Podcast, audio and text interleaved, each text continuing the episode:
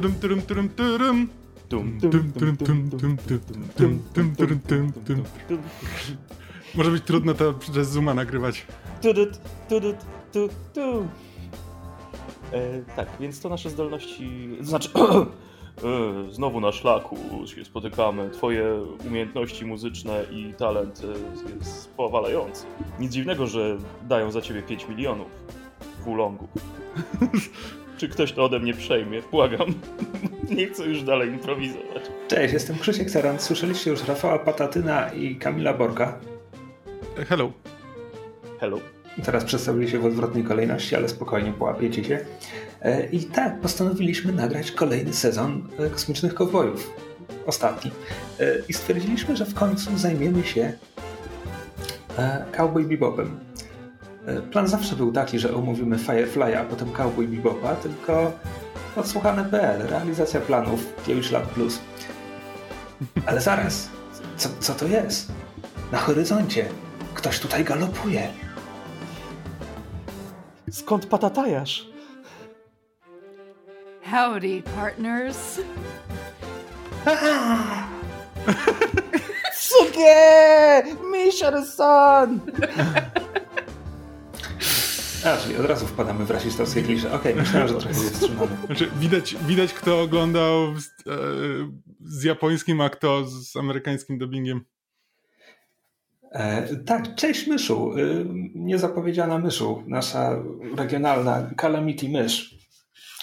Czy ty byłaś z nami w jednym odcinku o Firefly'u, czy coś E, mi się tak, miesza? kiedy, kiedy omawialiście film, e, to wtedy gościnnie wzięłam udział w No nagraniu. właśnie, dobrze kojarzę. Czyli nie jesteś zupełnie nowym głosem w kosmicznych kowbojach, a zresztą coś mi mówi, że słuchający nas słuchacze prawdopodobnie słyszeli cię w którymś z innych naszych podcastów.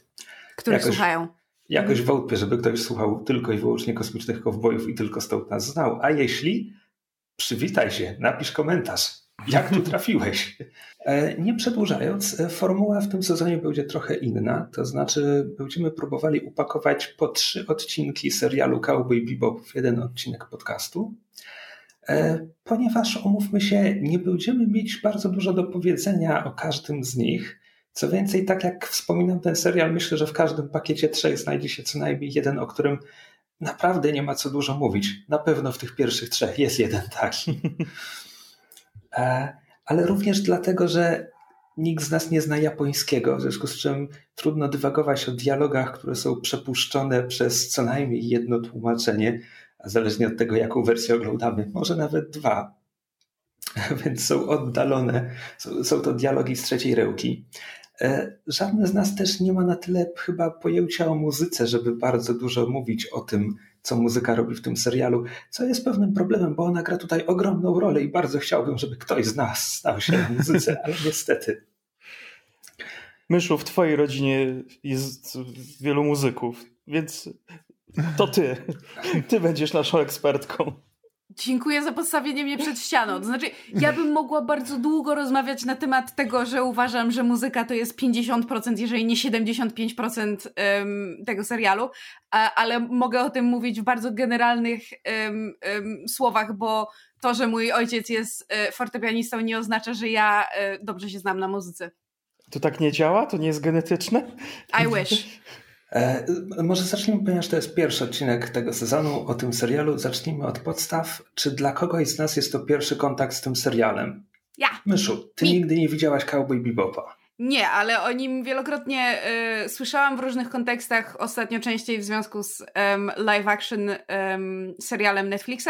No i oczywiście znam tę muzykę z czołówki, bo mieszkając z Kamilem w jednym domu nie, zna, nie da się nie znać tej muzyki, bo Kamil czasami chodzi i sam z siebie ją śpiewa. E, Dla mnie to teoretycznie nie jest pierwszy kontakt z serialem, bo kiedyś go widziałem, ale nie pamiętam z tego absolutnie nic. W związku z czym oglądam to tak, jakbym oglądał to po raz pierwszy. Rafał? Ja kiedyś obejrzałem u znajomych dwa czy trzy odcinki. Pewnie je rozpoznam, gdy je zobaczę. E, No i obejrzałem live action, jak wyszedł. Przed obejrzeniem anime. Aha, okej. Okej, okay, szczerze mówiąc, myślałem, że to wygląda trochę inaczej, ta, ta sytuacja. Bo słuchajcie, ja muszę Wam zdradzić pewną. My nie będziemy prowadzić tego sezonu w cztery osoby, my go będziemy prowadzić w pięć osób, bo tutaj obok jest 15-letni ja, który obejrzał ten serial, kiedy on leciał. W ogóle pamiętam, o mój Boże, rok 2002. E, siedzę w czytelni w gimnazjum, przeglądam, nie wiem, kawaii albo jakiś magazyn fantastyczny, który mógł mieć newsy około animowe i widzę tam informacje, co będzie leciało na kanale Hyper w następnych miesiącach. No i jest tam informacja, że teraz leci tam, nie wiem, co to było, Aria czy coś innego. Potem będzie e, Kronika Wojny o Lodos i myślę sobie, u, Kronika Wojny o Lodos, to brzmi dobrze, to brzmi epicko, super.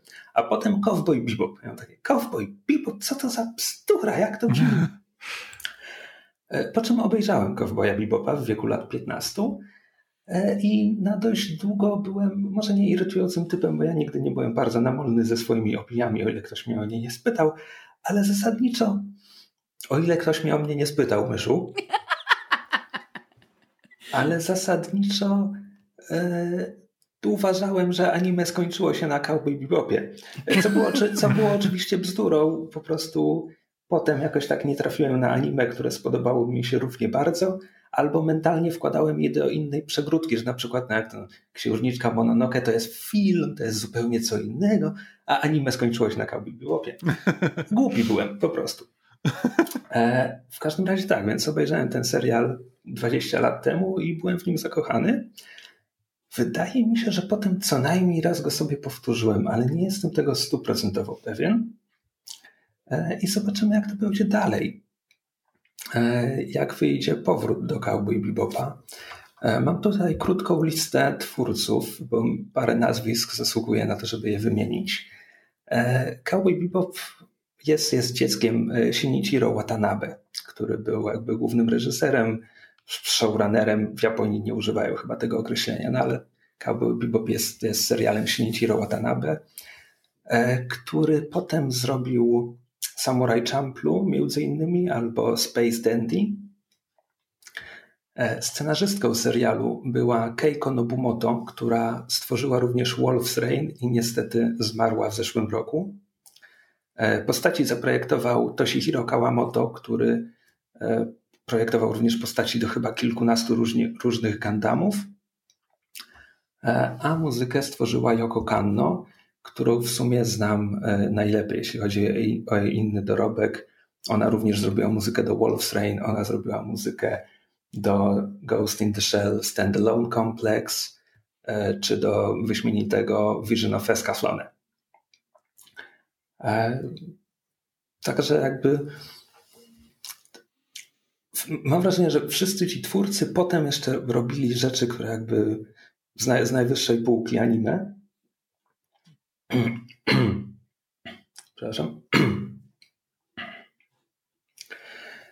E, I zresztą szybko przebili się do zachodniej świadomości. To znaczy, Cowboy Bebop pokazuje się w 98, a Shinichiro Watanabe w 2000 chyba drugim zostaje zaproszony przez Wachowskie do współtworzenia Animatrixa. Więc jakby... I to jest też, to jest też trochę element Cowboy Bebopa, który mniej więcej w podobnym czasie, co na polskim Hyperze pojawił się w Ameryce. Nie wiem, czy on leciał w, w, tej, w tym segmencie Tunami. W każdym razie był jednym z, ty, jednym z tych anime, które przebiły się do świadomości amerykańskiego odbiorcy. E, I nie tak jakby z Ameryki promieniowały na resztę zachodniego fandomu, więc jakby Cowboy Bebop istnieje. Z tego, co słyszałem, Instytut Danych Statystycznych, z, z tego, co słyszałem, tak naprawdę ma wyższą pozycję na zachodzie niż w Japonii, tak jakby w świadomości fanów i tak dalej, hmm. ale to jest dowód anegdotyczny. No brzmi to tak reasonable, bo jednak jest to taki mocno za, zachodni feel w, w tym, w no, tym jest serialu, bardzo, bardzo łatwy, łatwy w odbiorze byłby dla Amerykanów. Tak, on ma bardzo dużo zachodnich inspiracji, a jednocześnie coś, co nazwałbym e, animcowatymi bzdurami, jest bardzo w nim stonowane. E, wiemy, tak, faktycznie może być prostszy w odbiorze dla, dla widza niezaznajomionego z anime. E, dobrze, to chyba tytułem wstępu to chyba wszystko. Ja, co, ja sprawdziłem, które, od, znaczy, które fragmenty Animatrixa on reżyserował. Jest to Kids Story, czego bym się nie domyślił raczej, i A Detective Story, co jeśli ktoś widział, to absolutnie jakby można było zgadnąć. Tak, bo myśmy nawet z Kamilem ostatnio sobie powtarzali wszystkie Matrixy włącznie z Animatrixem przed oglądaniem najnowszego Matrixa i właśnie oglądając Detective Story powiedziałam ty słuchaj, ja nigdy nie oglądałem Cowboy Beboba, ale mam wrażenie, że to jest strasznie w tym klimacie, po czym Kamil właśnie mówi, to jest ten sam gość. And I was like, oh, to ma sens. Znaczy, tak, po prostu widać, że to jest e, taka fascynacja Ameryką przepuszczona przez e, animcowy filtr z właśnie taką bluesową, bluesową muzyką, więc doskonale. E, tak, no, no, jeśli, jeśli wróciliśmy do Shinichiro Watanabe, no to on na przykład parę lat temu zrobił serial Carol and Tuesday, który miał dystrybucję na Netflixie na zachodzie o muzyczkach na Marsie w świecie, gdzie ludzie nie tworzą już muzyki, bo tylko sztuczne inteligencje to robią, ale one, one kochają muzykę, więc to mimo wszystko robią. E, a w zeszłym roku był producentem tego anime na podstawie Blade Runnera, Black Lotus. Także wciąż e, no, bujna kariera. E, głosem 15-letniego mnie jeszcze dodam, że Kronikę Wojny na Lodos też obejrzałem i, i była rewelacyjna. Po prostu Cowboy Bebop potem był z innej półki zupełnie. Dobra, przejdźmy do serialu. Jeśli, drodzy słuchacze, nigdy nie widzieliście Cowboy Bebopa, E, akcja toczy się w roku 2071 w skolonizowanym układzie słonecznym, gdzie ludzkość mieszka na różnych księżycach, głównie na księżycach e, Jowisza i na Marsie, jeśli dobrze kojarzę. Sama Ziemia nie nadaje się do zamieszkania, po, po pewnym wypadku tam większość powierzchni Ziemi jest martwa. E, to nie są informacje, które padają w tych pierwszych odcinkach, ale gdzieś tam później da się je, da się je wyciągnąć. Jeśli ktoś ma jakiekolwiek wątpliwości, z czego czerpał inspirację Firefly, to powinny się szybko rozwiać. Aha, no bo Firefly pojawia się 4 lata po Cowboy Bebopie. Ja nie, nie, jestem pewien, czy tutaj można wyciągnąć bezpośredni... Myślisz? Znaczy, dobrze, jak obejrzymy to do końca, to, to możemy wrócić do tej dyskusji, ale Zdziwiłbym się, gdyby... Gdy zacząłem wpisywać Was Firefly Inspired, podpowiada by Cowboy, by Cowboy Bebop. Słuchaj, nie wiem, nie chcę, nie chcę mhm. jakby... Dużo różnych złych rzeczy można powiedzieć o Josie Widonie. Nie chcę od razu mówić, że na pewno zerżnął też Cowboy Bebopa, bo jakby... Nie, nie, no, nie mówię, że zerżnął, inspirował się. My też się inspirowaliśmy przy Astropunku. Jakby... Dobra. E, przejdźmy do serialu, zwłaszcza, że mamy trochę ograniczony czas. E, odcinek pierwszy, Asteroid Blues, zaczyna się w ogóle od monochromatycznej sekwencji róży w kałuży przetykanej przebitkami na jakiejś sceny przemocy pozbawione kontekstu. Trudno powiedzieć o co tu chodzi, ale im więcej przemocy, tym bardziej ta róża w kałuży nabiera czerwonego, można powiedzieć, krwistego koloru ja nie mówię, że to jest jakaś złożona symbolika. E, Zaczyna to być przetykane tworzeniem, znaczy przygotowywaniem jedzenia. Przez starszego, łysowego faceta. Nie, trening Spike'a. to pamiętam?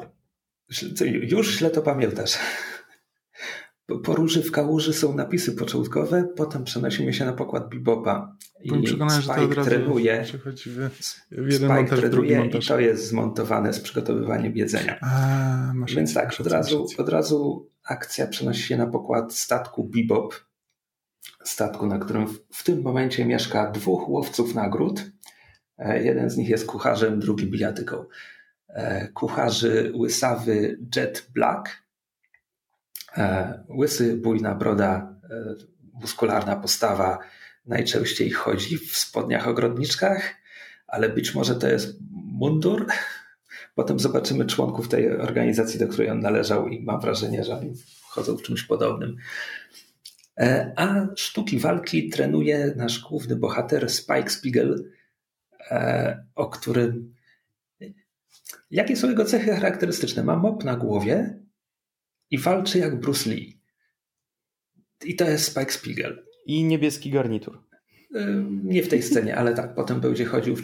Po angielsku to się nazywa leisure suit i ja się nie znam na ubraniach po polsku, żeby powiedzieć, jaki to jest rodzaj. Bo to nie jest tak naprawdę strój wieczorowy, to jest no to jest taki, taki, taki casualowy garniak, no. Casualowy garniak, powiedzmy. No, marynarka i spodnie. Kostium tak. wypoczynkowy. Tak, no Spike Spiegel jakby w tych przynajmniej pierwszych odcinkach jest takim typowym bohaterem jakby anime, jest cool, ale w, ale w taki sposób, że jakby udaje, że mu nie zależy, ale widzisz, że mu zależy. E, jakby zaczyna się od takiego dosyć e, standardu. Tak. E, to przygotowywanie jedzenia przez Jetta jest tutaj dość symboliczne. Po pierwsze, Bebop to jest jego statek, i po drugie, to jakby on, on jest taką trochę kotwicą, wokół której reszta postaci będzie orbitować, kiedy już będzie tu więcej postaci. On dba o to ciepło domowe na Bebopie. E, tak, nie, oczywiście reklamuje posiłek jako specjalną wołowinę z papryką, po czym okazuje się, że w specjalnej wołowinie z papryką nie ma wołowiny, bo chociaż ostatnio capnęli jakiegoś bandziora i zgarnęli za to nagrodę, to Spike przy okazji tyle narozrabiał, że cała nagroda poszła na odszkodowania, naprawy i inne takie, więc teraz nie, nie stać ich nawet na mięso. I Jet znalazł im nowe zadanie. E, bandyta imieniem Asimov Sorens, Solensan. Asimov Solensan. Zakładam, że Asimov jest nawiązaniem do Izaka Asimowa. Nie wiem, czy tego typu nawiązań będzie w serialu dużo. Możemy zwracać na nie uwagę, kiedy się pojawią. E, Spike jest kompletnie niezainteresowany. Po pierwsze, w życiu o nim nie słyszał, nie, nie ma ochoty łapać jakiegoś no-name'a. Po drugie, nagroda wynosi tylko 2,5 miliona ulongów. Możemy oglądając serial spróbować zrozumieć tę ekonomię, bo ja w tym momencie nie mam pojęcia, czy to jest dużo pieniędzy, czy mało pieniędzy. E, ale oni nie są, nie wydają się przesadnie podekscytowani tą perspektywą. E, no ale Jet jakby wie, że jakiekolwiek pieniądze są im potrzebne, więc po prostu mówi, e, ponieważ bandyta ukrywa się na Tijuanie, zwracam uwagę, na Tijuanie, nie w Tijuanie, a Tijuana słynie ze swojej wołowiny, więc pusty żołądek Spajka podejmuje decyzję i tam lecą. Ta Tijuana jest kolonią założoną na asteroidzie gdzieś na orbicie Marsa, jeśli dobrze rozumiem. E, I od razu, kiedy akcja się tam przeniesie, zobaczymy, e, jak to społeczeństwo żyje w tym układzie słonecznym. Znaczy mamy zbliżenia na skrzyżowania, na których są tablice w 15 różnych językach. Po prostu hmm taka pełna multikulturowość. E, I nasi bohaterowie zaczynają prowadzić śledztwo dwutorowo, to znaczy Jet mówi, że tam jak ogarnie statek, to pójdzie popytać policjantów, poszukać jakichś śladów.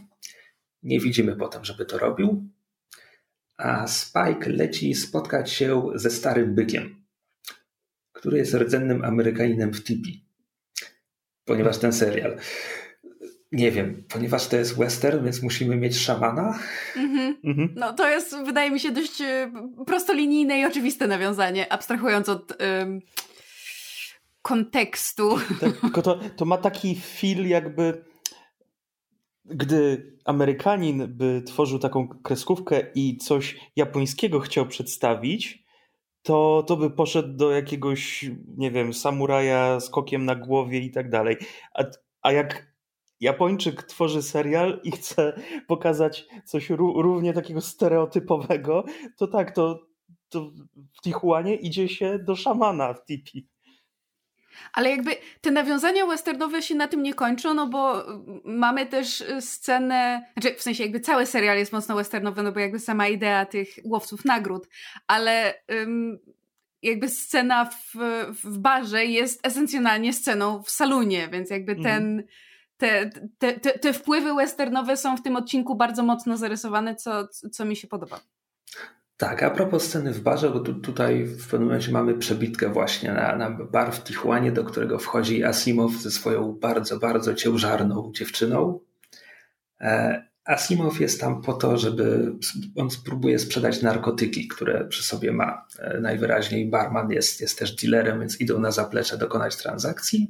Tak, ale ja bym chciała wspomnieć o bardzo ważnym szczególe, na który zwróciłam uwagę dopiero, znaczy zwróciłam uwagę od razu, ale nie zrozumiałam istotności y, aż do końca odcinka i wydaje mi się to istotne. Kiedy wchodzą do baru, to Asimow zamawia, nie wiem, whisky czy cokolwiek, Bloody Mary. a jego Bloody Mary, o, a jego dziewczyna zamawia piwo będąc w bardzo widocznej ciąży. I ja miałam takie, okej, okay, to oni mi mówią, że ta, ta, ta, ta dziewczyna jest w ciąży, ale jej nie zależy na tym dziecku i, i ma to w nosie. Aha, ciekawa postać. Tak, więc Asimov jest tutaj, żeby sprzedać narkotyki, a jego bardzo ciężarna dziewczyna jest tutaj po to, żeby przechylić się nad barem i położyć na nim piersi, żeby znalazły się na pierwszym planie, na niekomfortowo długie ujęcie, e, w którego tle jest trzech obślinionych staruszków. Ja teraz nie wiem, czy serial mówi mi, hej widzu, jesteś jak ci obślinieni staruszkowie, którzy gapią się na tę laskę, czy może jednak to jest takie, hej widzu, pogap się na tę laskę, tak jak gapią się na nią ci e, staruszkowie, tak Why czy inaczej... Both? Tak czy inaczej. To już to, zależy od tego, co poczułeś widząc te piersi. To, zażenowanie. To nie ja skadrowałem to ujęcie, więc jednak nie ja jestem tutaj winny czegokolwiek. E, ale tak, Cowboy Bebop nie jest, nie jest wolny od fanserwisu, zwłaszcza gdy poznamy naszą bohaterkę w trzecim odcinku. Ja. A... I tych trzech staruszków będą się jest element... przez cały serial. Tak. tak. tak to jest to taki sprzedawca kapusty. Znaczy, to jest o tyle interesujące, że oni jakby rozmawiają o tym, że to ja wykopałem tę bramę. E, czyli w sensie chodzi, chodzi o bramę gwiezdną, którą, e, z, którą widzieliśmy tutaj, jak się dostawali, która zresztą jest bardzo fajnie przedstawiona. Znaczy, to wygląda jak takie high science fiction na zasadzie wielka brama z jakimiś takimi okręgami, e, promieniami światła, które przez nie świecą, a przy tym są po prostu e, ogłoszenia w różnych językach mówiące ci, że proszę się trzymać e, żółtej linii i czekać w kolejce na swoją kolej i tak dalej, i tak dalej. Po prostu taki bardzo ten kontrast tego science fiction z takim po prostu, no ludzie tu żyją, trzeba to jakoś ogarnąć. Jest bardzo przyjemne. Tak, ale też y, żyją, żyją w dzikim kapitalizmie, na co serial jakby to nie jest na pierwszym planie, ale zawsze ta pogoń, pogoń za pieniądzem jest jakby mm. tym będą się zajmowali nasi bohaterowie, zawsze będzie im ich brakowało i też kiedy Bebop wylatuje z tej bramy, mamy przebitkę na rachunek za przelot, tam mm. 7500 ulongów czy coś tam. E, zresztą chyba już w pierwszym odcinku mamy też przebitkę na ten e, program informacyjny dla łowców nagród mm. Big Bang Show, e, Big Bang Show, e, który jest skierowany do, do Was, wszystkich 300 tysięcy łowców nagród w Układzie Słonecznym. Mm -hmm. I, I znowu, myślę, że 20 lat później, kiedy wszyscy żyjemy w gig ekonomii, może nie Rafał, który ma etat, ogląda się to jednak trochę inaczej. Nie wiem, o czym jestem mówisz. ciekaw, będę zwrócić uwagę, czy ta liczba się zmienia przez... W kolejnym, w kolejnym odcinku wciąż mówią o 300 tysiącach. Jestem po prostu ciekaw, czy na przestrzeni... Nie, nie wiem w ogóle, jaka przestrzeń czasu e, jest w tym całym serialu i czy ta liczba pozostanie taka sama. Zobaczymy, można, można e, tak. Ta informacja nie pada w tym odcinku, aha, ale jej nie sprawdziłem, więc dobra, nie będę szerzył dezinformacji. W następnym odcinku mogę, mogę się podzielić ciekawostką, jeśli jest prawdziwa. E, tymczasem e, do baru wchodzą bandziory, które polują na Asimowa, ale on używa tego narkotyku. To jest taki spray, którym sobie psikasz w oko i wtedy zaczynasz widzieć w zwolnionym tempie, bo to jest taki magiczny narkotyk. E, i przy, przy pomocy tego narkotyku on zabija tych wszystkich bandytów. A przy tym, jakby, kiedy korzysta z tego czerwonego oka, autentycznie wygląda przerażająco. Znaczy, mm. to jest naprawdę ładnie zanimowane, że to rzeczywiście widać, że tam nie ma już żadnego. Znaczy, musi być umysł, bo jakby on reaguje, reaguje na to, co się dzieje, ale no to jest bardziej coś bardzo bestialskiego bardziej już wtedy instynkt. Kto z was oglądał live action Bebopa? Nikt. Nikt. Nikt? Ojej.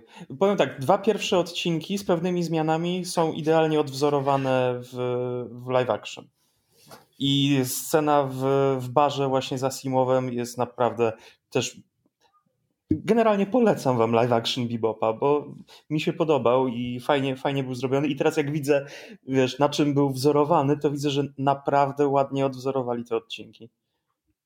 Co, tak. co, co prawda ta Faye y, jest już w pierwszym odcinku wprowadzona w live action i ona y, z cowboyami naszymi jakby rywalizuje, żeby dorwać Asimowa. No, mieli 10 odcinków zamiast 26. Musieli się trochę streścić. E, tak, e, w każdym razie w trakcie tej strzelaniny również bardzo ciężarna dziewczyna Asimowa e, się ostrzeliwuje i tam kogoś chyba udaje jej się nawet kropnąć. W międzyczasie nasi bohaterowie prowadzą śledztwo, więc Spike dowiedział się od byka, że czerwonooki kojot pojawi się na północy miasta co okazuje się bardzo dobrą, e, bardzo dobrą radą, bardzo dobrym cynkiem. E, I ostrzega Spike'a, że znajdzie się na celowniku kobiety. Na co Spike odpowiada, a znowu, już kiedyś zabiła mnie kobieta. Mm. Co jest jakby jedynym backstory, które, które poznamy w tym odcinku. E, po czym e, przelatuje gdzieś i jego myśliwiec e, domaga się paliwa, więc zatrzymuje się na stacji benzynowej, do której zaraz wrócimy. Swoją drogą to jest bardzo ładna scena pięć minut wcześniej, kiedy oni dolatują na Tijuanę i Spike startuje z pokładu Bebopa, właśnie tym swoim, swoim czerwonym myśliwcem. On się nazywa bodajże Swordfish, bo poza Bebopem każdy z naszej trójki głównych bohaterów ma też własny spersonalizowany jakiś tam jednoosobowy stateczek. E, Swordfish jest tym, który jest cool i bajerancki w ogóle. A, tak. Tymczasem Jet, prowadząc swoje śledztwo, trafia do baru po Asimowie, gdzie widzi rozróbę, jaka tam miała miejsce. E, bierze sobie butelczynę whisky, która się ostała, a potem e, jego pajęczy zmysł się odzywa i chowa się za barem, kiedy wchodzi tam dwóch kolejnych bandziorów, których Jet capnie z zaskoczenia, żeby wyciągnąć od nich więcej informacji. Tymczasem na stacji benzynowej e, Spike kompletnym przypadkiem wpada na e, poszukiwanych. Tak, znaczy jest, jest to element, który się będzie powtarzał, bo z, nie pamiętam, czy w drugim coś jest, ale w trzecim na, trzeci ta, totalnie opiera się na kompletnym przypadku. Znaczy, w drugim też. I to jest to, na co ja, jako mhm. osoba, która nigdy wcześniej nie miała styczności z Cowboyem Bebopem, zwróciłam uwagę, że jakby. Znaczy, nie wiem, czy to jest niespotykane, ale nie spodziewałam się, że postać, której jakby w, poprzez osmozę wchłonęłam e, z drugiej ręki, że jest taka cool i, i, i taki super i tak walczy i wszyscy go podziwiają, czyli właśnie Spike, jest w sumie w tych trzech pierwszych odcinkach pokazywane jako owszem, jakby dobry w tym, co robi, przy tym dość nonszalancki, ale jakby w tych trzech pierwszych odcinkach większość z tego, co mu się przytrafia, wynika z ślepego szczęścia, a nie do końca jakichś jego działań. Co wydaje mi się ciekawe, że jakby te, te, te serial zdaje się stwarzać właśnie Spike'a jako tego bohatera, który raczej wpada w kłopoty, aniżeli je jakby ich aktywnie szuka, mimo tego, że na tym polega jego praca. Spike jest bardzo pasywną postacią. On zasadniczo jest ten wiatr, twój liść niesiony wiatrem i tak dalej. E, spoiler. W każdym razie. E, e, tak, w związku z czym e, Spike napatacza się na Asimowa przy, przy pisuarach e, i również nic nie robi, po prostu się tam mijają. E, I również na jego dziewczynę, którą najpierw e, ograbia z jedzenia, bo jest taki głodny. Więc jeśli mówimy o anime bullshitie, to, to tutaj mamy taką scenkę komediową, e, w ramach której nawet pakuje sobie jakiegoś hot doga w folii do pyska od razu, czy coś takiego. Ale ucina sobie z nią krótką pogawełtkę i znowu dowiadujemy się, że on urodził się na Marsie. E, ona nigdy tam nie była, ale strasznie chce go zobaczyć. Jest przekonana, że na Marsie żyje się świetnie, nie to co w Tijuanie. Spike odpowiada, że no tak, ale tylko bogatym. Na co ona kładzie sobie rełkę na ciężarnym brzuchu i mówi, więc my będziemy tam bardzo szczęśliwi. E, I w tym momencie Spike się zdradza. Znaczy, w tym momencie jakby zmienia postawę, mówi, a, czyli to jest twój plan, chcecie uciec na Marsa, no ale ile można uciekać? Zawsze będziecie uciekać. Ona się teraz orientuje, że ma do czynienia z łowcą nagród, na co Spike się przedstawia, znaczy mówi o sobie, że jest staromodnym kowbojem. E, po czym zostaje brutalnie zaatakowany przez Asimowa, który go poddusza e, i zostawia nieprzytomnego na płycie lotniska, przepraszam, na płycie stacji benzynowej.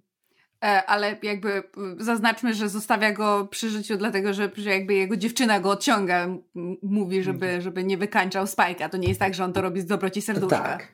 Asimow zresztą będzie i potem wyrzucał w samochodzie, że jakby że gadała z takim młodym przystojniakiem i w ogóle, więc widać, że to, to nie jest zdrowa relacja, to co jest między innymi. Między nimi. No, no i jeszcze po nim widać, że czuje odstawienie narkotyków. Tak, tak, to, tak, to też. E, po czym niesprecyzowany czas później Jet znajduje Spike'a śpiącego na tej płycie stacji benzynowej e, i mówi mu, że on jest gotów porzucić to zlecenie, że ten Asimov jest, to jest e, szajbus, e, zabił ludzi z własnego syndykatu, obrabował go. To jest jakiś syndykat przestępczy, który działa tutaj na asteroidach i produkuje jakieś syntetyczne narkotyki, a Asimov zabrał E, całą partię tego czerwonego oka. To jest, to jest ten spray, którym sobie psika. Technicznie rzecz biorąc, czy to nie jest krwawe oko? Bo po angielsku jest bloody eye. Krwawe oni oko. Uży, oni używają obu nazw. I to no, nawet w Aha. jednej rozmowie, że y, na, tam na samym początku w jednej rozmowie jedna osoba nazywa to czerwonym okiem, druga osoba krwawym okiem. To też kwestia jest tego, że to mówią, że to jest nowy narkotyk, dopiero co opracowany, więc może jeszcze nazwa się nie utarła. Wszędzie jedna, ta, jedna i ta sama.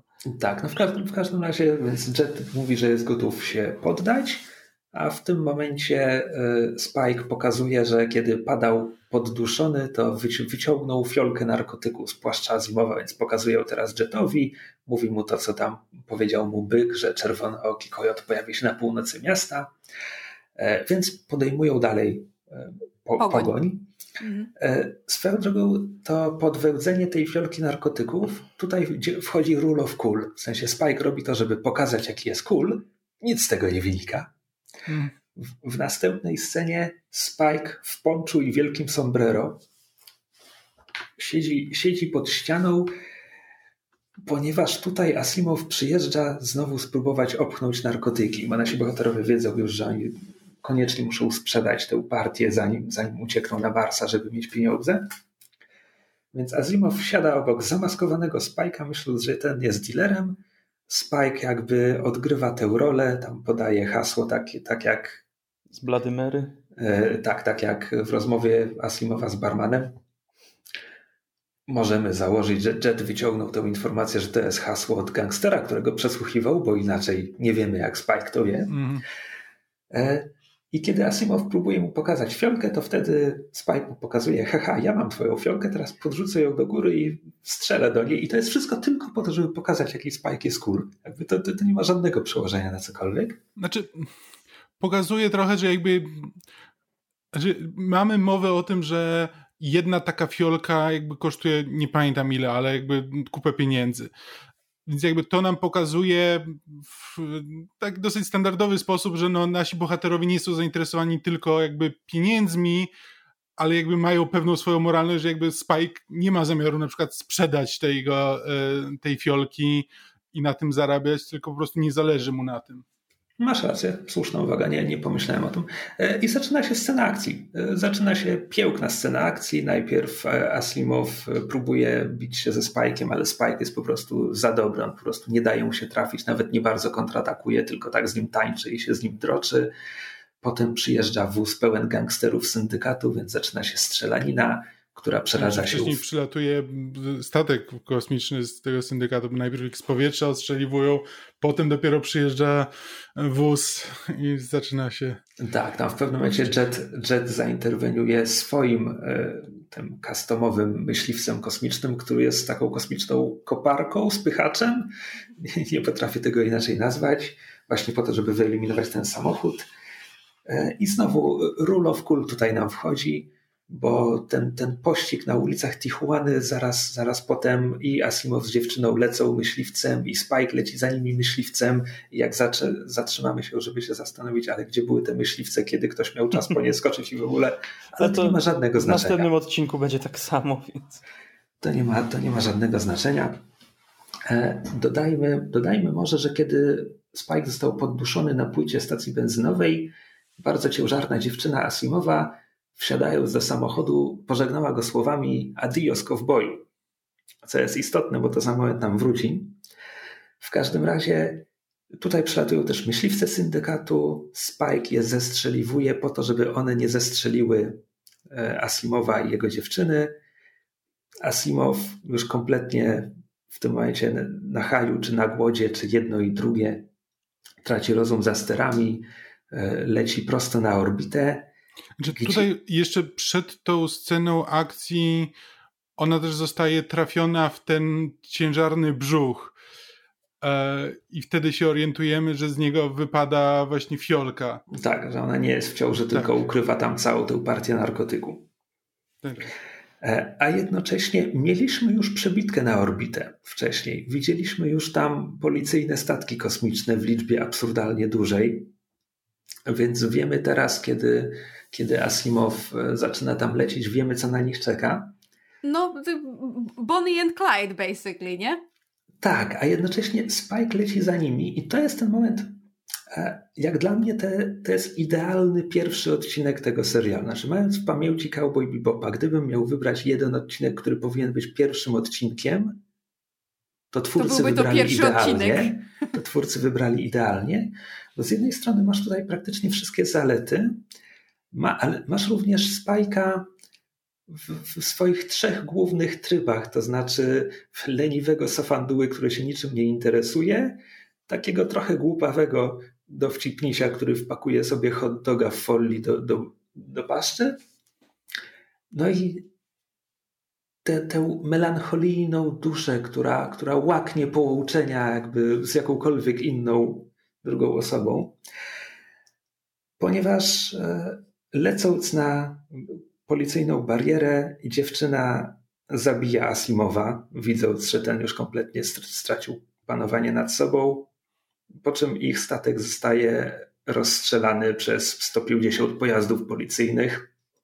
I tu jest moim zdaniem najpiękniejsza wizualnie, znaczy jakby animacyjnie cały odcinek jest, jest bardzo fajny i, i, i bardzo mi się podoba, natomiast wizualnie najpiękniejsza scena to jest kiedy ona po, po rozstrzeleniu tego, mhm. tego statku kosmicznego jakby wypada w ten, w ten kosmos i z jej właśnie rozprutego brzucha deszcz tych fiolek e, tego narkotyku się, się rozprzestrzenia. Jest to bardzo, bardzo piękna scena. Znaczy smutna w, w, kontekście tego, co się, co się a, wydarza, a, ale piękna. A jednocześnie, a jednocześnie sekundę wcześniej ona jeszcze patrzy Spajkowi w oczy przez tę dzielącą ich pustkę kosmosu, powtarza adios. I jakby jeśli, jeśli w tym momencie oglądasz ten odcinek i on się kończy. Jeśli kupujesz to, że człowiek może wpaść na kobietę na kosmicznej stacji benzynowej, porozmawiać z nią 5 minut i poczuć więź na tyle, żeby potem lecieć za nią w kosmos, nie mogąc tak naprawdę nic zrobić, trochę po to, żeby przynajmniej być świadkiem jej końca, bo na to zasługuje.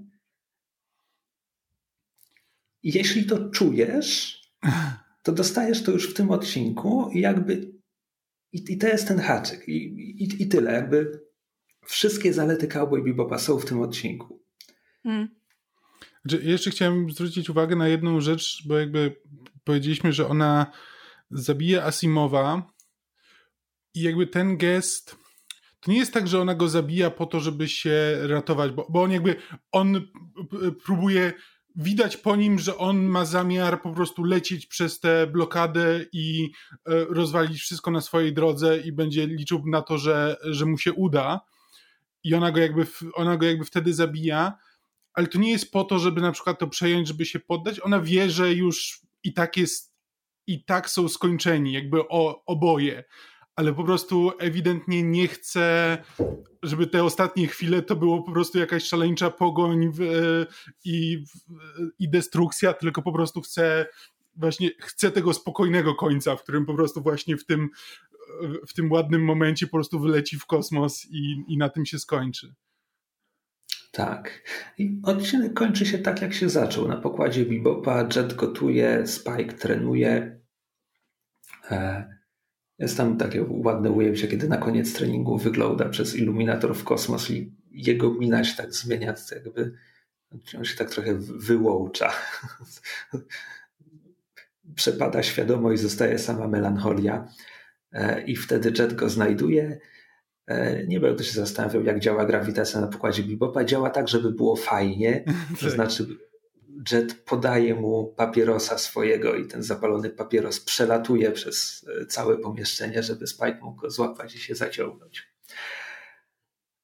Mówię, idealny pierwszy odcinek. Rewelacja, nie mam uwag. Mhm.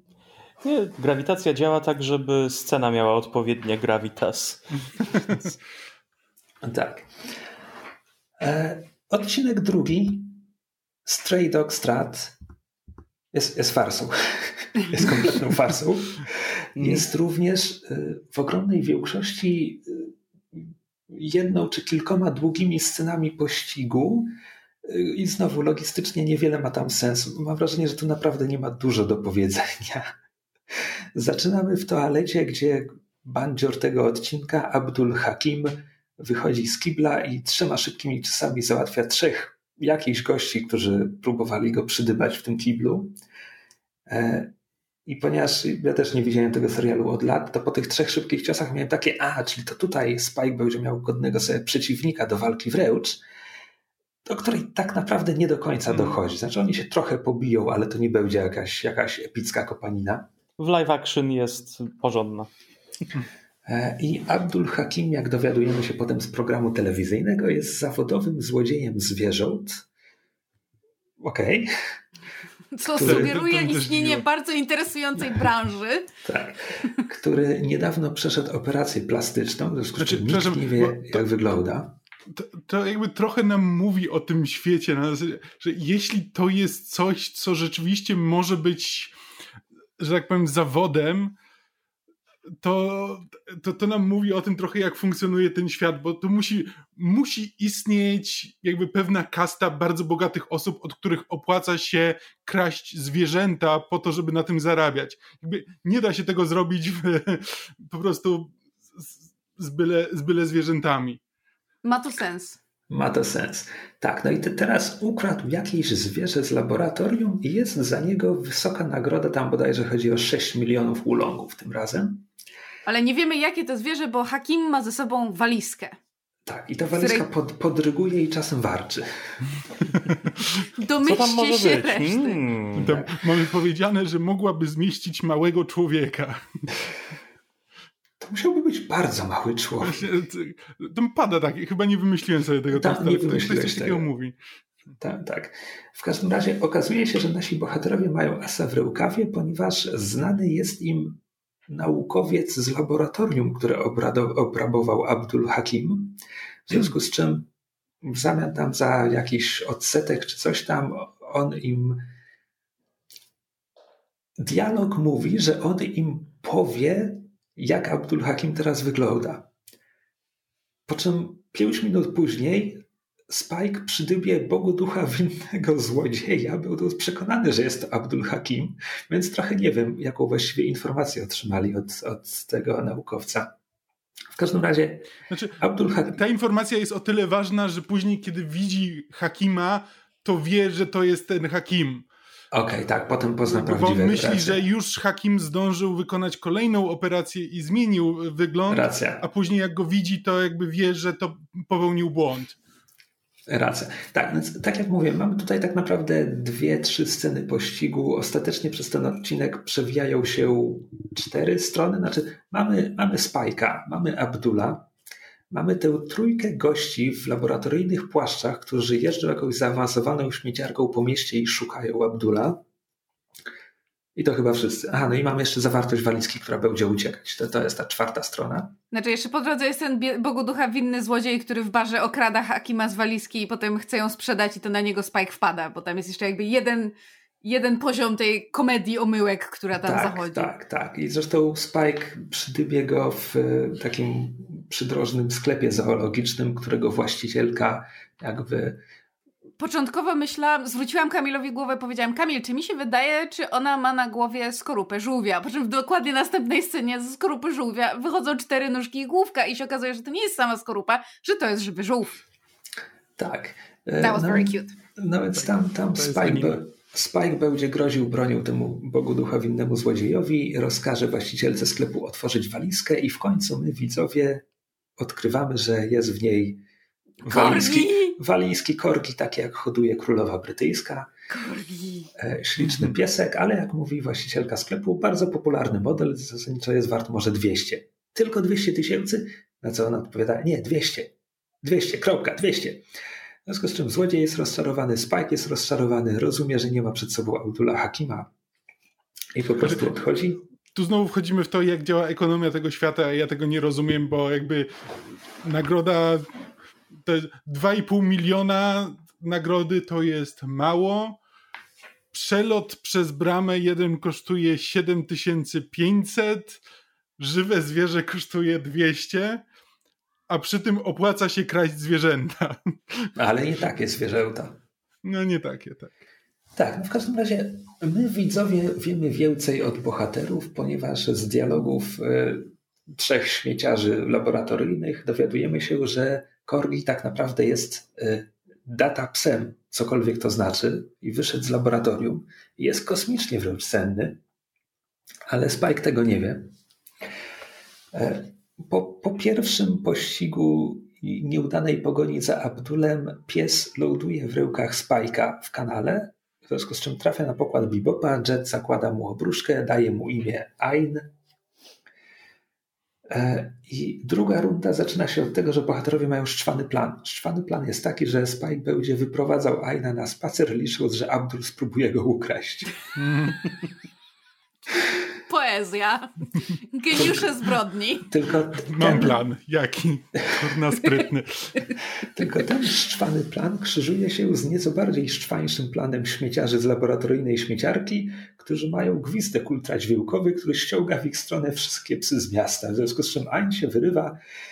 Po drodze e, Abdul zasięga rady ulicznego jasnowidza i w tym momencie Ain przebiega mu za plecami, więc znowu nasi bohaterowie i Abdul gonią za tym Bogu Ducha winnym psem. I mamy kolejny absurdalny pościg, e, który przerodzi się w pościg samochodowy. Uśpiony Ain e, obudzi się i zacznie, rzuci się na kierownicę i zacznie wciskać przyciski.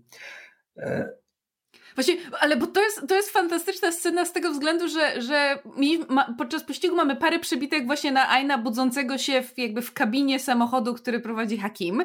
I widać było z, jakby z tego, jak są pozycjonowane ujęcia. I ja miałam takie, no ugryź go, no ugryź go, bo oczywiste jest, że jeżeli pies znajdzie się w samochodzie, z, jakby w małym pomieszczeniu z kimś, kto jest dla niego zagrożeniem, to będzie gryzł. A Ain próbuje prowadzić samochód i jakby dopiero teraz rozmawiając z wami o tym się zorientowałam, że to jest jakby to jest wbrew pozorom bardzo sprytny, mały myk, który twórcy zrobili, żeby pokazać, że to jest pies, który ma ludzką inteligencję. Bo jakby, bo on, on, on nie robi tego, co jest instynktowne dla zwierzęcia, czyli ugryźć, on próbuje kierować samochodem. He's a very smart boy. No tak. To się wydaje głupia scena, ale teraz jak o tym myślę, to w tym, w tej, w tej, w tym szaleństwie jest metoda. Tak, no i tutaj znowu Spike goni za, za wszystkimi w swoim myśliwcu, po który w pewnym momencie pobiegł.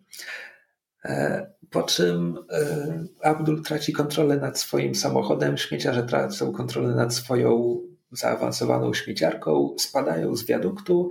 Ain wypada z samochodu Abdula, w związku z czym Spike który wcześniej deklarował, jak bardzo nie cierpi zwierząt, przerywa pościg za Abdulem, żeby uratować Aina myśliwcem. To jest e, logika rodem z e, szybkich i wściekłych albo transformerów. Jeśli ktoś spada kilkadziesiąt metrów, to jeśli spadnie na maskę samochodu albo metalową rękę robota, albo w tym przypadku karoserię statku kosmicznego, to nic mu się nie stanie. Dokładnie tak jest. E, wszyscy to wiedzą. A Abdul i zaawansowana śmieciarka spadają z wiaduktu prosto na parking przed komendą policyjną. W związku z czym Policjanci łapią Abdula, nagroda przepada, naszym bohaterom zostaje tylko pies, o którym nawet w tym programie telewizyjnym, który normalnie, regularnie oglądają, jest powiedziane, że jest to data pies i jest bardzo, bardzo cenny, ale Spike tego odcinka akurat nie obejrzał. Mm-hmm. Ten ich znajomy naukowiec z laboratorium też najwyraźniej już nigdy więcej z nim nie rozmawiali, a przynajmniej nie wspomnieli o psie. No bo tutaj mamy taką to jest taka bardzo tradycyjna, co to będzie? Ironia, tak, że bohaterowie są nieświadomi, że mają fortunę w rełkach, myślą, że to tylko piesek, więc traktują go tylko jako pieska i tyle. Koniec. Hmm. E, czy, to, czy ten odcinek jest zabawny i ogląda się go fajnie? Tak. Czy jest tu cokolwiek, co wspominałbym kiedykolwiek? Nie. No oprócz tego, że wprowadza Aina. No. Tak. Wprowadza nam Aina, tak. Odcinek trzeci nosi tytuł Honky Tonk Women.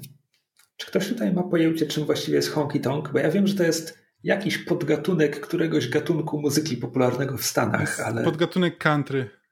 Podgatunek country. Okej. Okay. Przy czym ta wiedza opiera się tylko i wyłącznie na tym, że to jest chyba piosenka Blake'a Sheltona. Nie, nie Blake'a Sheltona ale jest, jest w jakiejś piosence, jest She's Got That Honky Tonk, Badonka Donk jest to piosenka country, więc zakładam, że w piosence country śpiewają o rzeczach związanych z country, więc zakładam, że honky tonk to jest rodzaj country.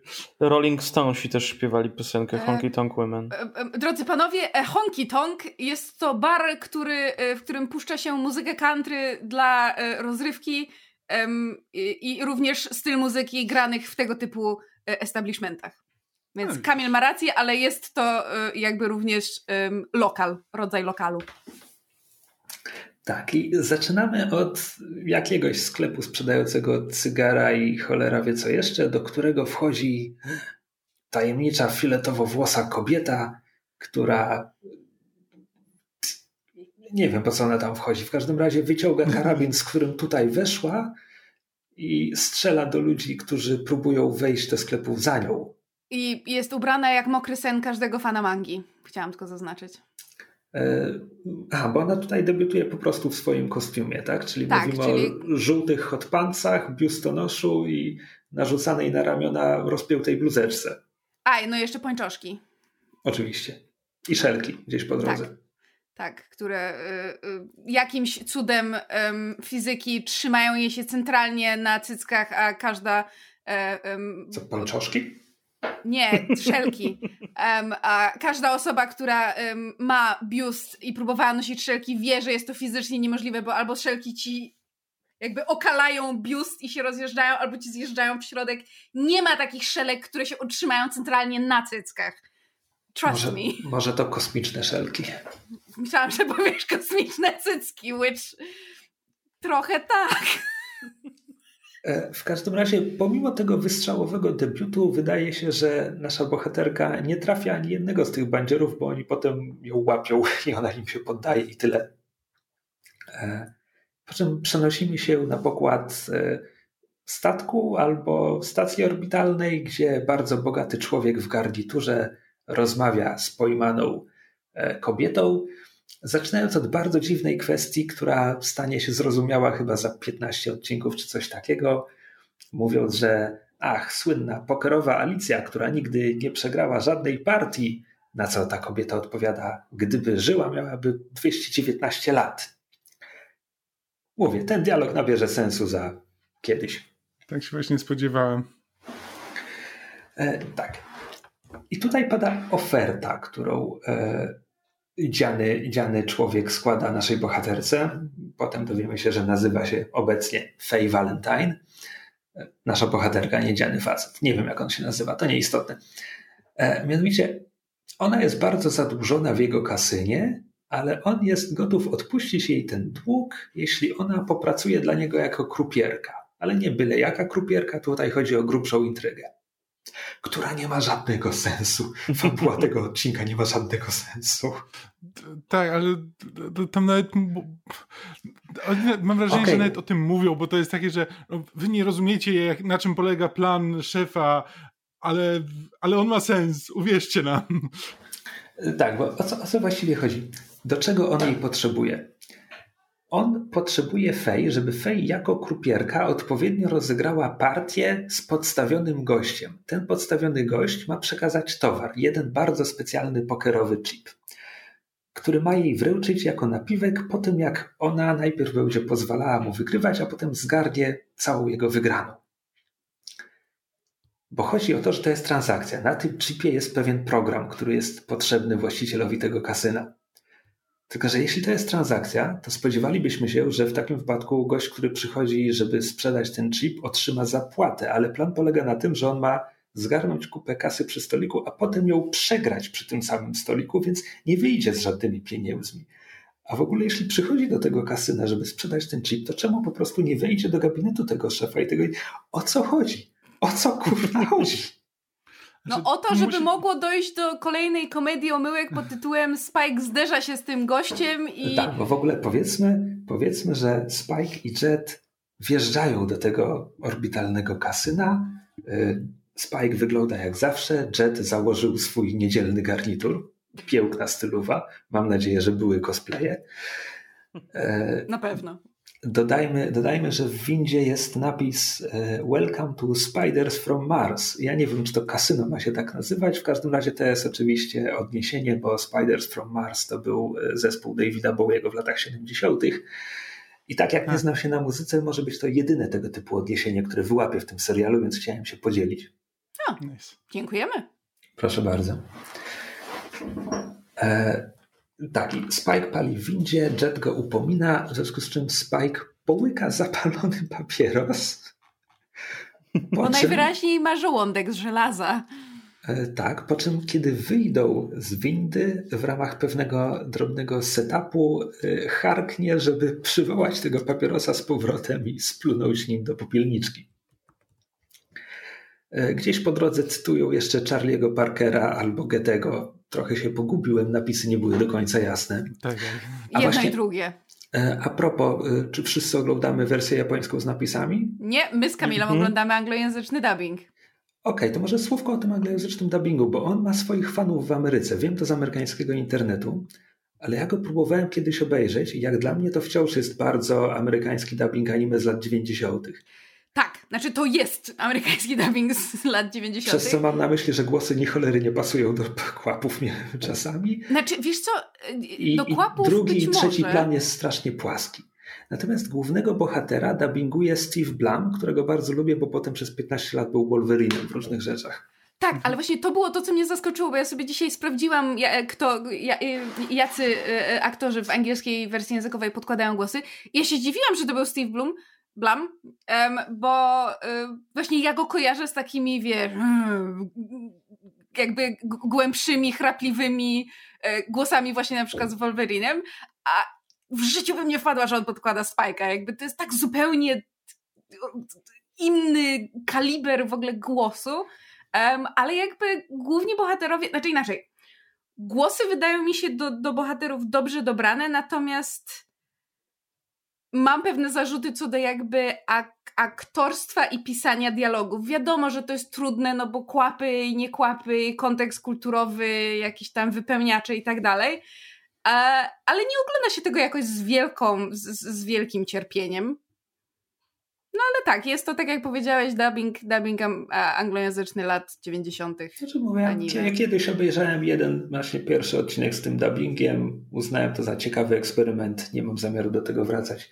Natomiast oglądałem... No, ja też w oryginale w japońskim tym, tak. po japońsku oglądam, bo generalnie jeżeli mogę, to oglądam po japońsku anime, jeżeli tylko mam możliwość z napisami po prostu. E, tak, ale na przykład oglądałem kiedyś, e, Boże jaki jest pełen pełen tytuł tego serialu to jest Mobile Suit Gundam The 0080 Division. Nie, Mobile Suit, nieważne. Gundam 83. E, mój ulubiony Gundam. Też praktycznie pierwszy, którego obejrzałem w całości po prostu e, żaden kolejny serial czy film z tego uniwersum, który oglądałem, nie daje mi tego, czego szukam, co znalazłem w tym pierwszym. E, nie mogłem znaleźć wersji z japońskim dubbingiem, więc obejrzałem z amerykańskim. Był dramatyczny, ale to wciąż jedno z moich ulubionych anime, pomimo tego. Dobrze świadczy o anime. Tak, w każdym razie tak, więc Jet i Spike przyjeżdżają do tego kasyna się zabawić. Jet idzie po prostu do automatów, Spike siada przy stoliku z Blackjackiem, gdzie właśnie krupierką jest Faye. Swoją drogą, Faye w stroju krupierki być może już nigdy nie będzie tak ubrana w tym serialu. E, w sensie mm. tak w pełni ubrana jak tutaj. Mm. Faye ma zdjęcie człowieka, z którym ma rozegrać tę, tę szemraną partię, który jakby to powiedzieć, gdyby, gdyby ktoś zapomniał wyjąć Spajka z kieszeni i wyprał te spodnie i potem go wyciągnął, to wtedy Spike wyglądałby jak facet, z którym Fej ma no tak, rozegrać tę partię. W, w, w, największych, najmniej szczegółowych pociągnięciach pędzla wy, wydają się podobnie. tak. W związku z czym Fej rozgrywa z nim tę partię. Spike najpierw wygrywa mnóstwo pieniędzy, żeby wszystko stracić w ostatnim rozdaniu. E, no i i mówi, mówi, że tam ostatni żeton zachowa sobie na pamiątkę. Więc Face zaczyna za nim łazić na zasadzie, ale jak to, ale o co chodzi? Miałeś mi dać, a napiwek, a w ogóle? No i tutaj Spike odcina się mówiąc, że jakby nie protestował, kiedy ona oszukiwała w tej grze, przecież wszystko widział, czym e, przyciąga uwagę innych klientów kasyna na zasadzie, że ale jak to, krupierka oszukuje.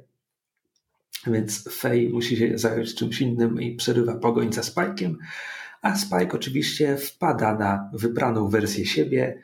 Przypadkiem żetony wypadają im z kieszeni, przypadkiem podnoszą nie ten żeton, który każdemu z nich wypadł. W związku z czym od tego momentu Spike ma ten jeden, jeden, jeden e, chip pokerowy. Tak, i Fei go znajduje i mówi, że chce ten żeton, a on go w tym momencie połyka.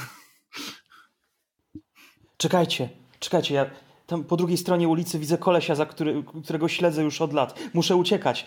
Poradzicie sobie beze mnie. Do następnego. Ciao. Adios, kowboje. W ten sposób Rafał nam zakomunikował, że musi jechać na obiad do mamy, więc mam nadzieję, że będę go godnie zastępować w dalszej części odcinka. Bo na tym obiedzie będzie koleś, którego śledzę. To jest wszystko ukartowane. Your mom keeps interesting company. Your mom keeps interesting company. wow. Trzymaj się, no, Rafał. To papa, Rafał. Na razie. Tak, e, gdzieś po drodze Faye daje znać szefowi kasyna, że Spike ma ten chip, na którym wszystkim zależy, w związku z czym za Spike'iem e, zaczyna się uganiać e, ochrona kasyna. W związku z czym Spike oczywiście łatwo sobie z nimi radzi. Jet po drodze wygrał mnóstwo pieniędzy na automatach, no ale teraz widzi, że Spike wplątał się w kłopoty, więc musi porzucić wygraną i wychodzi z kasyna z niczym. I szczerze mówiąc, minęło już parę dni, odkąd obejrzałem ten odcinek i zapomniałem, jak dochodzi do tego, że ostatecznie cała trójka ląduje na bibopie.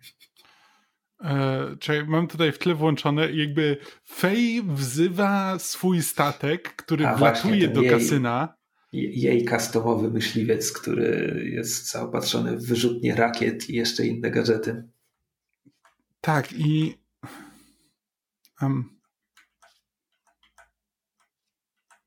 i, i nie bardzo wiem, bo ona. A, bo ona wystrzeliwuje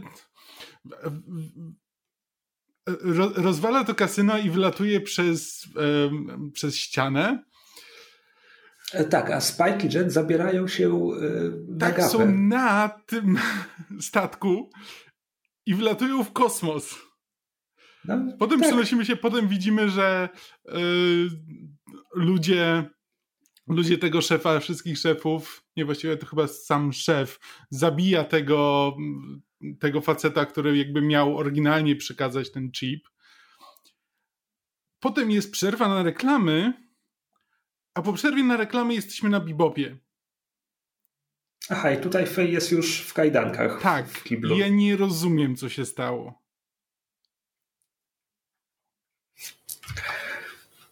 Znaczy ona krzyczy, dlaczego w zamian za pomoc mnie przykuliście? Czyli ona jakby wleciała na statek w dobrej wierze z nimi, wróciła na ich statek, a oni ją pojmali. Najwidoczniej. Co, co więcej, oni chyba dopiero w momencie, w którym ona jest skuta w ich kiblu, oni oglądają program dla łowców nagród, z którego dowiadują się, że jest za nią nagroda. Tak.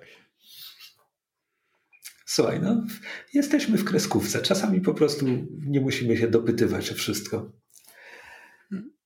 Oni chcą po prostu się dowiedzieć o co chodzi, więc no, oni chcą ją przepytać. No, to jest jakby jej główne w tym momencie główna motywacja, ale tak, tak jest to rozegrane trochę dziwnie. Tak, więc, więc kiedy wracają do niej, żeby z nią porozmawiać, już bardzo uprzejmie i w ogóle, bo teraz nagle jest warta 6 milionów czy coś tam, Fej jest e, bardzo rozczarowana, że, że jest warta tylko tyle. E, sugestia jest taka, że jej dług w kasynie jest wielokrotnie, wielokrotnie wyższy. Swoją drogą, znowu wracając do pierwszego, czego się o niej dowiadujemy, e, jeśli szef kasyna twierdzi, że jest tą pokerową Alicją sprzed 200 lat, która nigdy nie przegrała, czemu ma absurdalny dług w jego kasynie w tym momencie? Dobre pytanie. Nie, nie zwróciłem na to uwagi. Kiedy Jet i Spike sprawdzają właśnie te informacje na jej temat i na temat, dowiadują się na temat tego chipa, że chip jest chipem, e, to Faye dzwoni do szefa kasyna. Tak, z, ze szminki. A tak, z, z komunikatora w szmince, tak, informuje go jaka jest sytuacja, że była zmuszona do ucieczki, ale jakby wciąż wie, gdzie jest chip i tak dalej. I to chyba szef kasyna zgłasza się do naszych bohaterów z propozycją, prawda? Tak. Tak, że chce odzyskać żeton. Tak. E, na co oni się, oni się targują? I w dodatku tłumaczy im dokładnie, czym ten żeton jest. Jakby... No być może, że no, nie, musi. Nie, jet, nie, jet, jet to wszystko mówi. Tak, bo on w tym I, I, I, ISSP, czyli w tej tam interplanarnej kosmicznej policji, w której pracował, to tam nie wiem, czy ma kontakty, czy jakby wiedzieli o tym, coś takiego. Tak, Jet wykłada tu całe backstory. Szef kanclerza tylko na koniec mówi, o, niezły A, jesteś. dobra, dobra. Dobra, dobra, e, tak, więc backstory dla słuchaczy, którzy nie oglądali serialu, e, wygląda tak, że parę lat temu ktoś stworzył program łamiący wszystkie zabezpieczenia, po czym zginął, czy tam został kropnięty, więc teraz ten program jest takim elektronicznym wytrychem, który może rozwalić wszystkie elektroniczne sejfy, ale program sam w sobie jest zaszyfrowany. I teraz ten pokerowy chip tak naprawdę jest chipem, w sensie mikrochipem,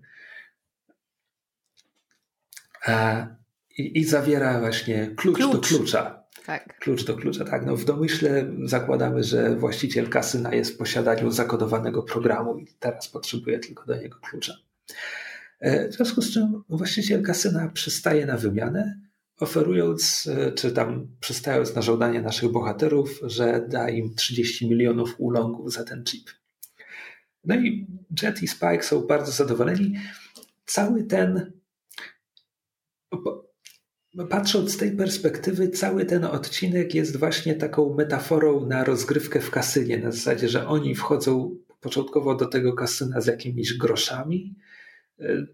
Jet tam wygrywa w, w automatach, nigdy nie, nie dowiadujemy się ile, ale to wszystko traci, bo muszą uciekać, ale mają wtedy fej, która jest warta 6 milionów a teraz jakby zamieniają te 6 milionów na 30 milionów, trzeba, stawki ciągle rosną, oni ciągle grają o coraz więcej, zamiast na przykład po prostu zainkasować nagrodę za fame, póki mogą. Ale warto pamiętać, że y, jeśli się, y, że tak powiem, uprawia hazard, to kasyno zawsze wygrywa. Tak. Mhm. E, no więc teraz grają o 30 milionów. Wymiana wygląda tak, że szef kasyna i Jet są na komunikatorach. Samej wymiany dokona anonimowy cyngiel z kasyna i Spike. Wymiana odbędzie się w przestrzeni kosmicznej. W skafandrach. Na, na, na pokładzie tego statku kasyna, czy też stacji kasyna. Spike jest w bardzo twarzowym, czerwonym kombinezonie kosmicznym.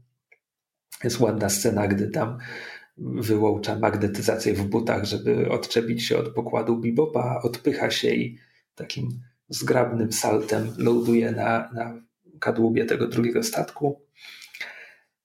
E, a ponieważ jesteśmy w kosmosie, ten statek kasyno jest, ma taką ozdobę w formie koła od ruletki, więc tam tych dwóch negocjatorów raz na jakiś czas rozdziela taka szprycha tego koła, tej ruletki. I plan e, dość ryzykowny jest taki, że oni w tym samym momencie mają rzucić w swoją stronę kasetkę z pieniędzmi i żeton. No ale anonimowy cyngiel ma polecenie od swojego szefa, że kiedy tylko będzie miał chip w rękach, to ma odstrzelić tego frajera. Nawet nie tyle chip w rękach, tylko w momencie, kiedy, kiedy Spike go rzuci. A tak. No ale tak się składa, że w momencie, gdy Spike rzuca żeton, tam właśnie przejeżdża szprycha tego koła, która ich rozdziela, więc cyngiel pudłuje. To, to, nie jest tak, że tak się składa. Ja zrozumiałem, że no. no Spike tak, tak to, wymierzył. Tak, tak, się tego spodziewali, że to się dla nich źle skończy. Tak, Spike tak to wymierzył. E, stacza krótką walkę z anonimowym cynglem, który szczerze mówiąc. E, to będzie jedna z gorszych domyślnych śmierci w tym serialu, bo, bo Spike go wypycha w próżnię wciąż żywego, po prostu odłączonego od czegokolwiek. Ups. Ups, przykre, szkoda. Nie. Tak, ale po drodze Faye uwolniła się najpierw, e, najpierw z kajdanek, potem e, z kibla, a potem z bibopa i odleciała swoim stateczkiem i jest w stanie teraz położyć e, chwytak z liną na walizce z kasą i odlatuje z 30 milionami. Tam po drodze był dziwny dialog, do którego teraz mamy callback, więc kiedy, kiedy Fej była jeszcze zamknięta w kiblu, e, zaczęła prosić ich o łaskę pod tytułem Mam romskie korzenie, wielkie, wielkie zewnętrze mnie wzywa, puśćcie mnie, nie mogę być w zamknięciu. Tak. I wyzywała Spajka od, od Gadżo, czyli nie, nie Roma. W związku z czym, kiedy teraz przylatuje, żeby zaiwanić 30, 30 milionów to przerzucają się takim e, Gadżo i Romko. Jak to jest w angielskim dubbingu w ogóle? Czy angielski dubbing y, robi to dosłownie, czy zmienia chyba, to na coś? Chyba, chyba robi dosłownie, ale jakoś tak strasznie. Bo, bo w angielskim dubbingu moim zdaniem to jest, to jest ze względu na angielską wymowę jest, jest po prostu y, strasznie pokićkane, bo po, jakby po polsku to się chyba mówi gadzia. A po angielsku im wychodzi jakoś tak strasznie dziwnie. Ale nie, za, nie będę zgadywał. Zachowali koloryt, w sensie nie przetłumaczyli tego na, nie wiem, e, tubylec czy cokolwiek. E, Outsider. Tak, przy, czym, przy czym jakby połowa tego, co Fej mówi w tym odcinku jest kłamstwem, więc cholera wie, czy mamy jej tutaj wierzyć, czy nie. Nie, żeby to było bardzo istotne. E, w każdym razie szef kasyna po drodze rozkazał jeszcze zniszczyć Bibopa, ponieważ jego kasyno, jak każde kosmiczne kasyno, jest zaopatrzone w wyrzutnie rakiet. E... Mogę, mogę potwierdzić, że w angielskim dubbingu to jest dosłownie, że ona mówi hello Gaidro, on mówi hello Romani, on mówi hello Romani. I to tyle. Mhm. E tak, y, z jakiegoś powodu, z jakiegoś powodu te rakiety biorą na cel statek Fej, y, czy wyłącznie jej statek zamiast Bibopa. Y, I ona oczywiście tak przelatuje, żeby rakiety wrąbały się w kasyno.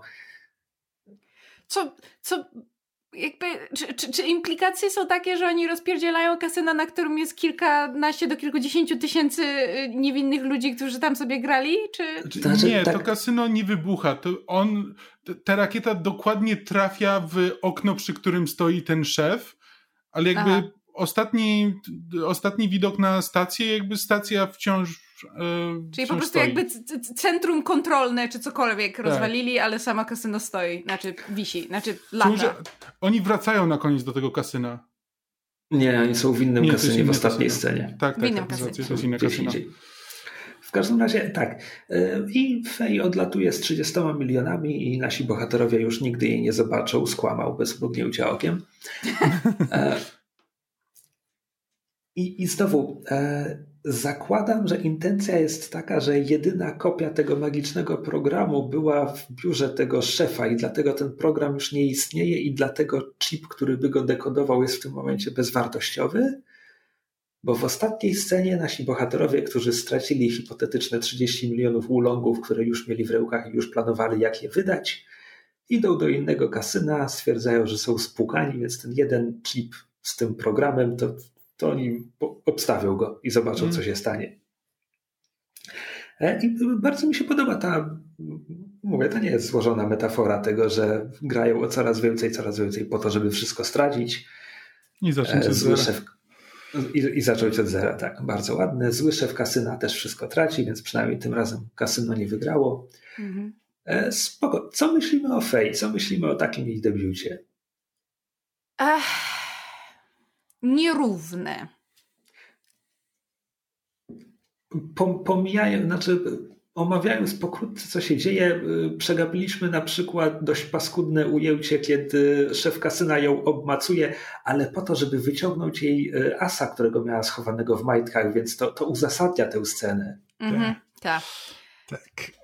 Um, swoją drogą jestem bardzo ciekawa, gdzie, gdzie znaczy musiała go mieć na, na bo on go jej wyciąga właśnie spod tych hot pantsów, więc ona musiała, musiała mieć go na półdubku schowanego tego asa. Jestem bardzo ciekawa, jak niepostrzeżenie go wyciągała, kiedy był, był jej potrzebny. Znaczy, ja mam co do Fej y, mieszane odczucia, no bo z jednej strony właśnie wiadomo... Y, Będą jakby... ci towarzyszymy cały serial. Domyślam się. Niczego innego się nie spodziewałam. Jakby jestem, jestem chciałam powiedzieć uprzedzona. Mm, być może trochę. bo jednak właśnie z, kojarząc Cowboya Bebopa z Osmozą, no to jakby o, o, design Faye Valentine nie był mi obcy. Um, plus jakby przy okazji tego live action um, adaptacji Netflixa były też właśnie rozmowy na temat zmiany tego, jak wygląda kostium aktorki, która się wciela e, w Faye Valentine, jednak tam ją troszeczkę bardziej przykryli e, mimo wszystko. Ale moje odczucia co do Faye są, są mieszane z tego względu, że jakby z jednej strony mamy zasugerowane, że ona jest właśnie tą, tą, tą pokerową Alice, która nigdy nie przegrywa, ale jednak chyba coś przegrała albo dała się złapać w jakiś deal, no bo teraz jest winna mnóstwo kasy temu szefowi tego kasyna. I z jednej strony jakby miała bierze udział w tym, w tym, w tym szwindlu z tym, z tym chipem pokerowym. Czekaj, ale... momencik, e, przepraszam, że ci przerwę, ale właśnie no. coś przyszło do głowy, bo ja powiedziałem, że ten dialog o pokerowej Alicji nabierze sensu za kilkanaście odcinków, ale to wciąż nieprawda, bo gdyby ona miała mieć 219 lat, a akcja toczy się w 2070, jakby to wciąż nie ma sensu. Zapomnijcie, co powiedziałem. Znaczy, ja w pierwszej chwili to zinterpretowałam jako, że to jest jedna z jej fałszywych y, tożsamości na zasadzie, wiesz, wzięła, wzięła PESEL po jakiejś zmarłej babci, której nikt nie wpisał do systemu i teraz jakby taka była moja interpretacja. E, natomiast wracając do, do tego, co mówiłam, z jednej strony wydaje się jakby serial sugeruje, że jest, że jest kompetentna, a z drugiej strony jej zachowanie jest takie szalenie e, nie wiem czy infantylne, ale jakieś takie strasznie drażni mnie. Na przykład to, jak ona się zachowywała wobec Spike'a na zasadzie, no ale, no, no ale miałeś mi dać napiwek, no ale no i jakby tak profesjonalna y, oszustka by się tak nie zachowywała na zasadzie łe, łe, daj mi ten napiwek. Tak samo potem jakby robienie z siebie... Znaczy, rozumiem, że to jest trochę gra na przykład w momencie, kiedy właśnie ona robi z siebie środkę na, na bebopie, jak jest przykuta do kibla i chce, żeby, żeby Spike i Jet ją wypuścili i właśnie wciska im, y, wiecie, historyjkę o tym, że o, że zew przygody mnie wzywa, że jestem Romką, nie musicie mnie więzić, buchu, ja biedna ale, ale jakby jak, jak na to, że mam poczucie, że ona właśnie powinna być tą taką kompetentną szóstką, która jest w stanie wystrychnąć um, naszych chłopców na dudka, to mam też takie poczucie, że twórcy nie, nie, nie byli w stanie albo świadomie, albo nieświadomie uciec od takich bardzo właśnie mi się kojarzących z japońskimi e, animacjami właśnie przed, przedstawiań kobiet jako tych właśnie takich um, nie wiem, jakichś takich krzykliwych, jęczących, uprzykrzających się, łała. nie wiem, strasznie mnie to jakoś um, wzięło pod włos. No tak, ale jednocześnie ona wygrywa ten odcinek, tak? Eliminuje nie, szefa tak, kasyna, jakby... odlatuje z 30 milionami. Więc jest taki dysonans pomiędzy serial nam mówi, że ona jest kompetentna i, i sprytna, ale jej zachowanie w kontaktach z innymi ludźmi zdaje się temu przeczyć. I są momenty, kiedy to zachowanie można wytłumaczyć jako część jakby jej oszustwa, gry aktorskiej, próbowania ugrać coś, ale są też takie sceny, w których jakby nie, wydaje się, że po prostu ona ma taki charakter. Znaczy tak, ale też zwróćmy uwagę na to, że Spike, zwłaszcza w e, pierwszym i drugim odcinku, jakby jest zaprezentowany jako sprytny, kompetentny, ale jednak przygłup czasami. Tak, e, więc, więc więcej, dlatego jakby Spike, nie... Spike dostanie też odcinek, to będzie, w, mówię, za 15 odcinków, E, który cały będzie się kręcił wokół bardzo dziecinnego jego zachowania i absurdalnej rywalizacji z absurdalnym człowiekiem. Więc jakby mhm. wciąż znaczy, jesteśmy w anime, jakby wszyscy... Dlatego... Ja właśnie mam wrażenie takie, że te postaci tam, gdzie Spike jakby czasami wraca do takiego zachowania małego chłopca, no to Faye jakby wraca do takich zachowań małej dziewczynki tylko to jest wciąż jakby bardzo mocno usadowione w, w takim tradycyjnym postrzeganiu płci. Tak, i właśnie dlatego jakby kompletnie nie skreślam jeszcze Fej i chcę zobaczyć jakby jak, jak serial, serial ją będzie dalej pokazywał. I absolutnie się zgadzam z tym, że Spike pod wieloma względami też jest pokazywany jakby w podobnym takim, um, nie wiem, paradoksie czy dy dysonansie, ale ponieważ kobiety w kulturze i z mojego bardzo ograniczonego doświadczenia, zwłaszcza kulturze japońskiej, są pokazywane w pewien konkretny sposób, to, to dlatego mi się to bardziej rzuca w oczy, bo wiecie, to jest, to, to jest też, mam wrażenie, wpada w te takie e, ramy czy tory tego, że, że no e, Luke Skywalker jest, jest garystu, ale mu wszystko wybaczamy, ale jak Rey, nie daj Boże, e, jest kompetentna, y, zdaniem niektórych za bardzo, to od razu jest Merysu i wszystko jej wychodzi. I to jest właśnie jakby ta nierówność płci, która zupełnie nieświadomie um, się, się w nas odgrywa i mam wrażenie, że tutaj e, mamy do czynienia z czymś podobnym. No, zobaczymy, jak to będzie dalej wyglądało. Mhm. E, I co, tak jak przy napisach czołowych towarzyszy nam piosenka Tank, tak przy napisach końcowych mamy The Real Folk Blues. I to jest Cowboy Bebop. I zasadniczo tak będzie wyglądał ten sezon kosmicznych kowbojów, bo Cowboy Bebop to jest 26, 26 odcinków, z których 21 opowiada kompletnie zamknięte historyjki, a jest pięć, które są jakimś metaplotem rozrzuconym przez, przez cały, znaczy nie będę mówił, które to. W każdym razie, e, tak, więc to będzie trochę bardziej chaotyczne. Tutaj nie ma jakiejś fabuły, która się będzie rozwijała. Są wątki e, naszych indywidualnych bohaterów. Będziemy się o nich coraz więcej dowiadywać. Każde dostanie jeden czy dwa odcinki koncentrujące się na nich, tak? E, ja mam pytanie, bo widzę na Wikipedii, że jest jeszcze film, który się dzieje między 22 a 23 odcinkiem. E, tak, myślę, że jeśli będziemy omawiać film, to raczej jako ostatni odcinek taki bonusowy, bo on, ponieważ powstał 4 lata po serialu, więc nie ma żadnego wpływu na fabułę serialu. Jasne. Po prostu można obejrzeć film i jakby da się go wpasować w serial. To, to, nie jest tak, że w filmie dzieje się coś, co kompletnie nie pasuje do wydarzeń z serialu, czy to alternatywna wersja wydarzeń, czy coś takiego. Jasne.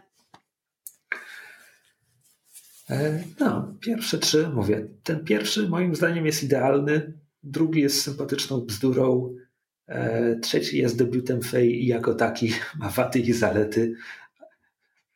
Chyba chciałbym, żeby... A nawet zady i walety. Aha. A, ale nie, serio, bo karty her ass. Tak. tak. Usłyszałem to, wiem. E, znaczy, ten, ten, on jest fajny, on mi się podoba. Jakby przedstawienie Fej jest nierówne, fabuła tak bardzo nie ma sensu, ale jakby już, już pierwsze dwa odcinki to pokazały, Cowboy Bebop będzie leciał na tej rule of cool. Jeśli coś fajnie wygląda na ekranie, to nie zadajemy sobie pytań, jak do tego doszło, bo hmm. po co sobie psuć zabawę. Hmm. E, no i, i jednak wydaje mi się, że, że tak jak żeśmy wspominali, że, że nie, nie mamy nikogo, kto mógłby um, bardzo obszernie wypowiedzieć się na temat muzyki, to ja ja, ja, ja nadal się trzymam tego, co powiedziałam na początku, to znaczy dla mnie przynajmniej połowa tego serialu, jeżeli nie więcej, to jest, to jest muzyka, dlatego że mam. Wiadomo, że mówię z perspektywy roku 2022, e, a nie kiedy ten serial wychodził, ale mam, mam z perspektywy czasu, y, y, czasów obecnych takie, takie przeczucie, że ten serial jako anime nie oferuje mi wiele jakby nowego albo wiele, wie, wiele czegoś, czego nie widziałam, ale kontrast, a czasami właśnie spinanie się wydawałoby się um, nieprzystającej muzyki, w sensie jakby mamy, mamy space, space western, a muzykę właśnie taką um, w klimatach bluesa, jazzu, um, soulu nawet czasami. E, jakoś no to, po prostu to robi ten serial i jakby sam fakt też, że, że odcinki się nazywają, jakby to nie jest odcinek pierwszy, tylko to jest session one, czyli jakby pierwsza sesja nagraniowa i większość odcinków ma tytuły nawiązujące w jakiś sposób do, do gatunków muzycznych albo utworów muzycznych, jakby pokazuje, że twórcy byli tego świadomi.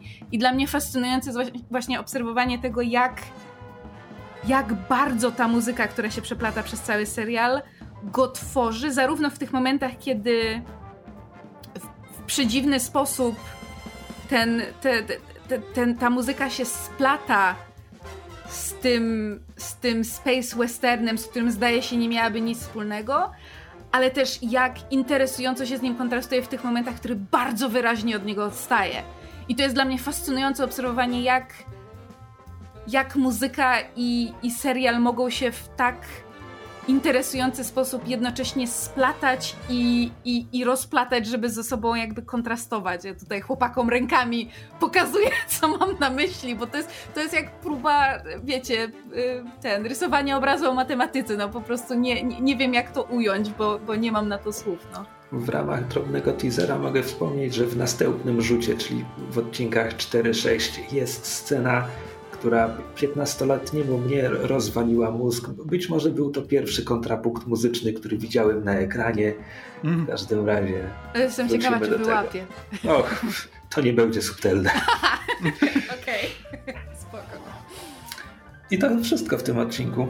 E, mamy nadzieję, że Wam się podobało. Zachęcamy do śledzenia Cowboy Bebop razem z nami. Może żebyście wiedzieli, o czym mówimy. To są 22-minutowe odcinki, łatwo wchodzą. Dostępne są bardzo... na Netflixie dostępne na Netflixie właśnie. Są bardzo przyjemne, nawet kiedy nie mają sensu. E, I co, chętnie przywitamy wszelkie komentarze, czy to na YouTubie, jeśli oglądacie podcast jako statyczny ekran i głos lecący z głośników. Ja nie oceniam ludzi, którzy słuchają podcastów na YouTubie, ale to dziwne. E, albo na fanpage'u podsłuchany.pl na Facebooku. Możecie nam też przysłać maile na kowboje.podsłuchany.pl Tak. Tak. Tak. To super, to cześć. Cześć. See you, Space Cowboy. Do zobaczenia na szlaku. Skoro Rafała nie ma, to ktoś musi to powiedzieć.